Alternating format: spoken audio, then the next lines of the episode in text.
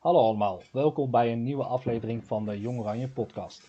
De podcast waarin we het werk van jong professionals in de sport centraal stellen en dus op de hoogte houden van ontwikkelingen in de sport. Vandaag in de podcast gaan we het hebben over zitvolleybal, een Paralympisch sport die uiteraard valt onder de Nederlandse Volleybalbond. Vandaag is daarvoor te gast de teammanager van het Nederlands zitvolleybal damesteam, Chantal van Wamel. Welkom Chantal in de Jong Oranje podcast. Uh, wil je jezelf uh, voorstellen aan luisteraars en vertellen wat je doet in de sport? Ja, dankjewel.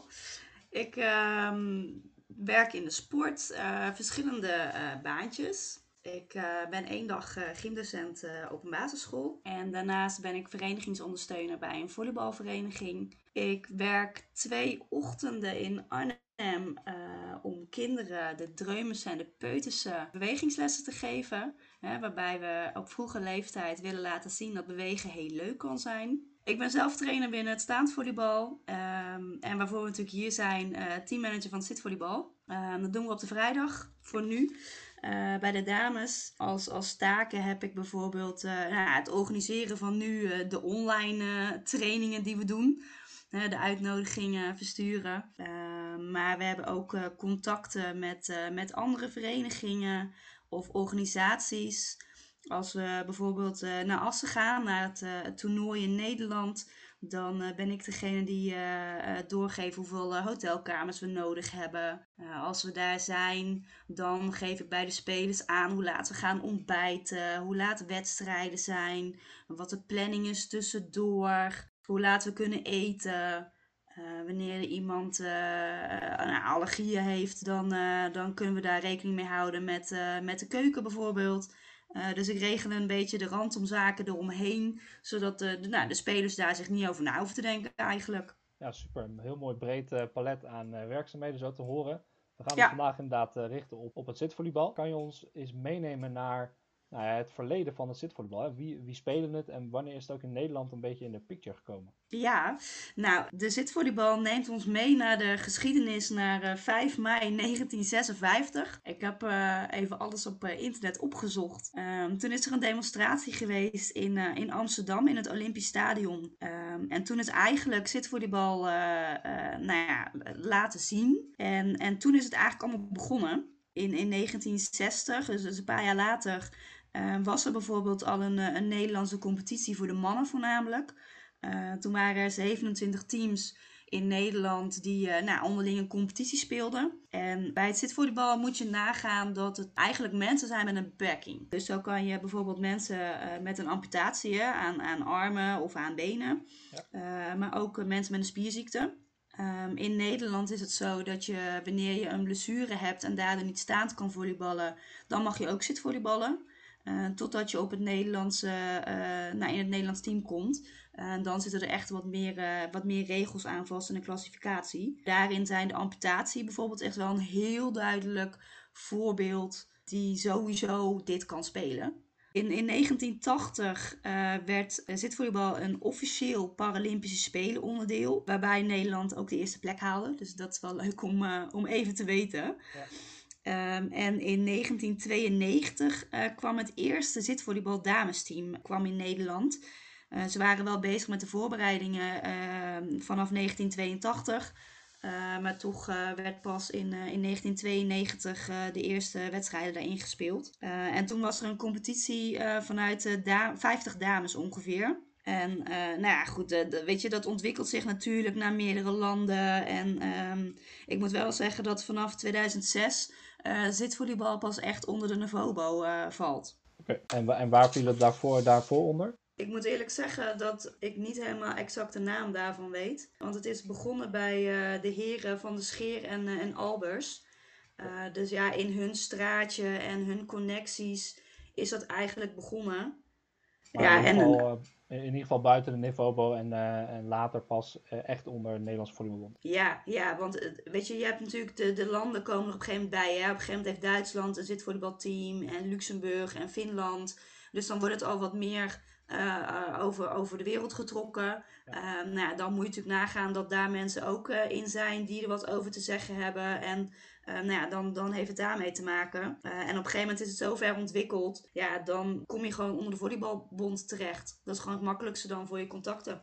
Duidelijk. En je, je stipt het net al ook al aan, hè? De Duitsland, Finland, Luxemburg. Hoe ontwikkelt uh, zitvolleybal zich als, als wereldsport? Wij hebben nu, ehm, wat ik gevonden heb, dat in, in 2006 hadden wij 60 landen over de wereld die zitvolleybal speelden. En nu zijn dat er ongeveer 75. Dus ja, er zijn ongeveer 15 landen bijgekomen in de laatste 10, 10 15 jaar. Um, en dat heeft natuurlijk dan wel mee te maken, wat ik zei, van als je wereldwijd gaat spelen, dan zit je natuurlijk aan bepaalde klassificaties vast. Die, amputatie uh, of, of een um, spierziekte.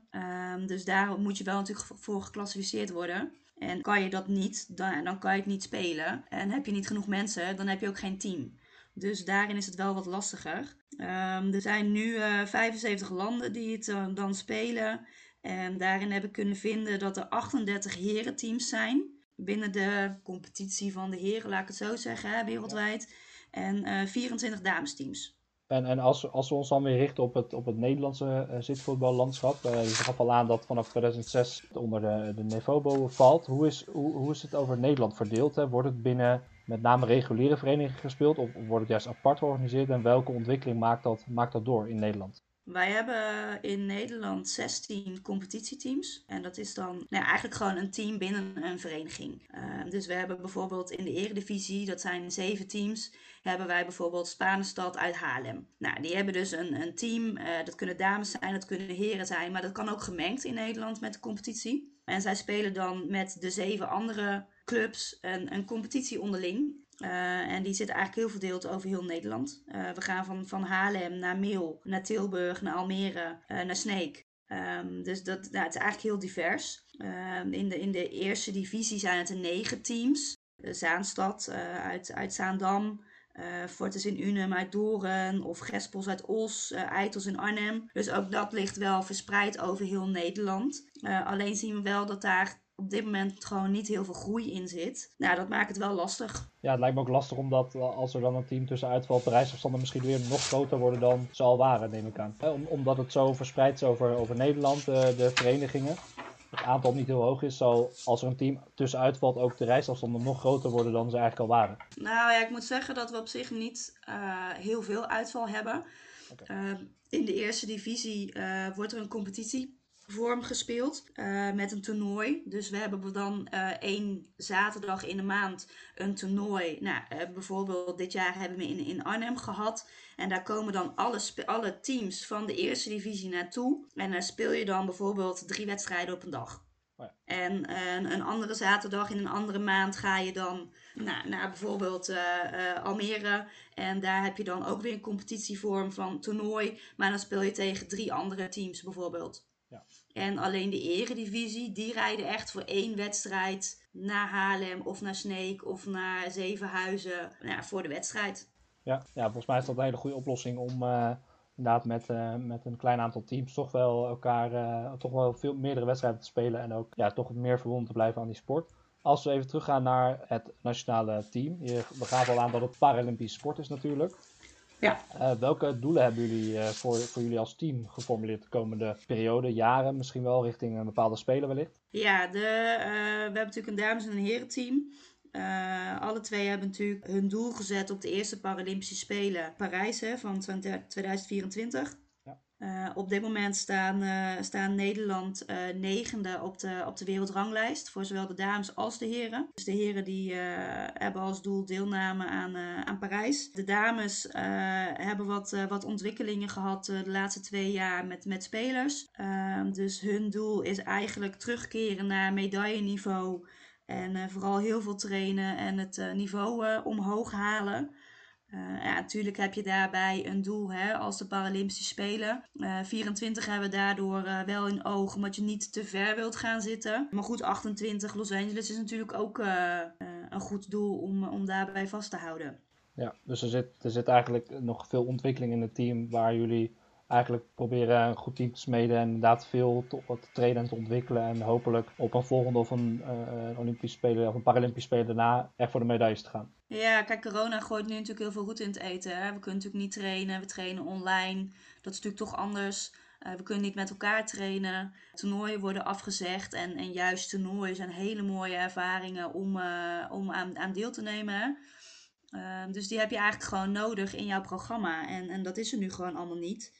Er staan voor nu wel programma's, of tenminste wedstrijden, toernooien op het programma voor 2021. Maar ja, of het door kan gaan, weten we natuurlijk allemaal niet. Nee. En, en dat heb je wel nodig om, uh, om te kunnen groeien. En, en natuurlijk, als je als een, een nieuw team hebt, dan zit je natuurlijk in een fase. Je moet elkaar leren kennen. Je moet weten wat je aan elkaar hebt. Ja, dat is nu natuurlijk allemaal uh, wat moeilijker. Daarom hebben we ook wel een, een nou, doelstelling van vier jaar eigenlijk gezet. Uh, ja, die zal je moeten blijven aanpassen. Ja, ja mooi dat, dat, dat dat doel is gesteld. Volgens mij is het ook als, als sporter heel mooi om daar naartoe te werken. En de, de energie erin te investeren. Zou je ons ook nog wat kunnen vertellen over de, de ambities uh, op landelijk niveau? Dus hoe, je, gaf al aan dat, de, dat de REC eigenlijk qua teams er wel een beetje eruit is. Uh, zijn er ambities en ideeën om het op landelijk niveau de sport ook wat groter te maken? Je hebt het best wel over een beperkt aantal teams, dat ook begrijpelijk is voor, ja, voor de fase waarin de sport zit, denk ik. Ja, kijk, het, het begint natuurlijk bij de bekendheid. Hè? Eh, mensen moeten zitvolleybal kennen. Uh, mensen kennen allemaal volleybal. En als je zegt zitvolleybal, goh, ja, wat is dat dan? Soms dan het heeft een drempel. Hè? Je moet vaak toegeven, ik kan niet meer staand volleyballen. Um, ja, dan moet je gaan zitvolleyballen. Of je, moet, je, je kan dan gaan zitvolleyballen. Is het dan leuk? Uh, mensen moeten het ervaren. En, en daar zit vaak wel een drempeltje. En als we bijvoorbeeld kijken naar een, eh, een, een WK van een staand volleybalteam, hè, de dames bijvoorbeeld, dan zijn er natuurlijk altijd side-events. Dus dan proberen we wel met zitvolleybal uh, daar te zijn en, en dat mensen het ook kunnen zien. Uh, we hebben natuurlijk een aantal verenigingen die het spelen, maar we willen heel graag dat, dat we meer verenigingen krijgen die het aanbieden. Nou, daar moet je natuurlijk eerst contacten voor gaan leggen. je moet mensen zoeken die het zouden willen. Daar moet dan de bekendheid groeien. En vanuit een Nevobo willen we eigenlijk ook in gaan steken op de jeugd. er zijn natuurlijk jeugdspelers of, die, die een beperking hebben. Die moeten uitzoeken wat ze willen, wat ze kunnen. Ja, hoe mooi is het dan om hun een sport aan te kunnen bieden die ze wellicht kunnen spelen. Hè, omdat nou ja, de, de, de traditionele sporten zoals voetbal en volleybal, dat ze dat niet kunnen, dat ze een alternatief kunnen doen. Maar ja, hoe bereik je die? Ja, daar moet je ook weer bekendheid voor hebben en promoten. En uh, nou ja, vooral de mond-op-mond reclame is natuurlijk het allerbeste. Ja, nou, uh, volgens mij zijn er nog heel veel, en mooi hoe je dat aangeeft, heel veel mooie kleine stapjes te zetten die nou, jullie sport uh, meer bekendheid kan, eh, bekendheid kan geven. En ook ervoor kan zorgen dat ook mensen met een beperking uh, kunnen sporten en een leuke sport kunnen uitoefenen. Ik hoop, ik hoop in ieder geval dat we met deze podcast weer wat meer bekendheid hebben gegenereerd. ja, weet je wat het leuke is? Um, want we, we spreken natuurlijk over mensen met een beperking. Maar als je zitvolleybal speelt, dan voelen zij zich niet meer beperkt. Niet meer beperkt hè? Want iedereen heeft iets in het veld. En dat maakt het juist zo leuk. Ja, volgens mij is, dat, is, is, is sport ook, een, hè, ook voor, voor, voor mensen met een beperking juist het moment om even niet te denken aan je beperking, maar gewoon sporter te zijn en te willen winnen van de tegenstander of medestander die tegenover je zit in dit geval. Volgens mij is dat juist het moment om, uh, om even los te laten wat je dagelijkse uitdagingen zijn. Ja, juist. Ja, dat brengt ons alweer naar het laatste onderdeel van deze podcast. Onze rubriek waarin onze gast van de podcast deelt wat daar gamechanger in de sport is en wat we van diegene kunnen leren. Chantal, ik ben uh, heel benieuwd wie jouw gamechanger in de sport is. Ja, ik heb uh, Wim van Gelder uh, in gedachten. En dat heeft er eigenlijk mee te maken dat ik natuurlijk een passie voor sport heb. zowel de volleybal bij verenigingen, maar ook binnen het onderwijs hè, met kinderen. En ik denk dat juist bij de jeugd ook de toekomst ligt. En uh, Wim ken ik vanuit mijn opleiding en studiedagen. En hoe hij met passie vertelt hoe wij met z'n allen iets beter kunnen doen. Of ja, misschien niet eens beter, maar goed over na kunnen denken. Ja, het is zo gaaf om naar te luisteren. Het is een hele interessante man, laat ik het zo zeggen. Nou, super. Dankjewel voor deze, ja, voor deze voordracht. We gaan hem eh, zeker meenemen in de komende afleveringen. En dat brengt ons alweer aan het einde van deze veertiende aflevering van de Jongeren podcast. Chantal, bedankt voor je verhaal over de ontwikkeling en doelen van het zitvoetbal in Nederland. Heel veel succes daarmee de komende tijd. Ik hoop dat jullie ook door corona snel kunnen uh, weer, gaan, weer gaan trainen bij elkaar. Dus bedankt voor je tijd en je verhaal en succes de komende tijd daarmee. Ja, dankjewel. Ik vond het leuk om, om hier te kunnen zijn. Super, heel, heel leuk om je te gast te hebben. Voor nu wil ik jullie bedanken voor het luisteren. Blijf thuis en gezond en tot snel.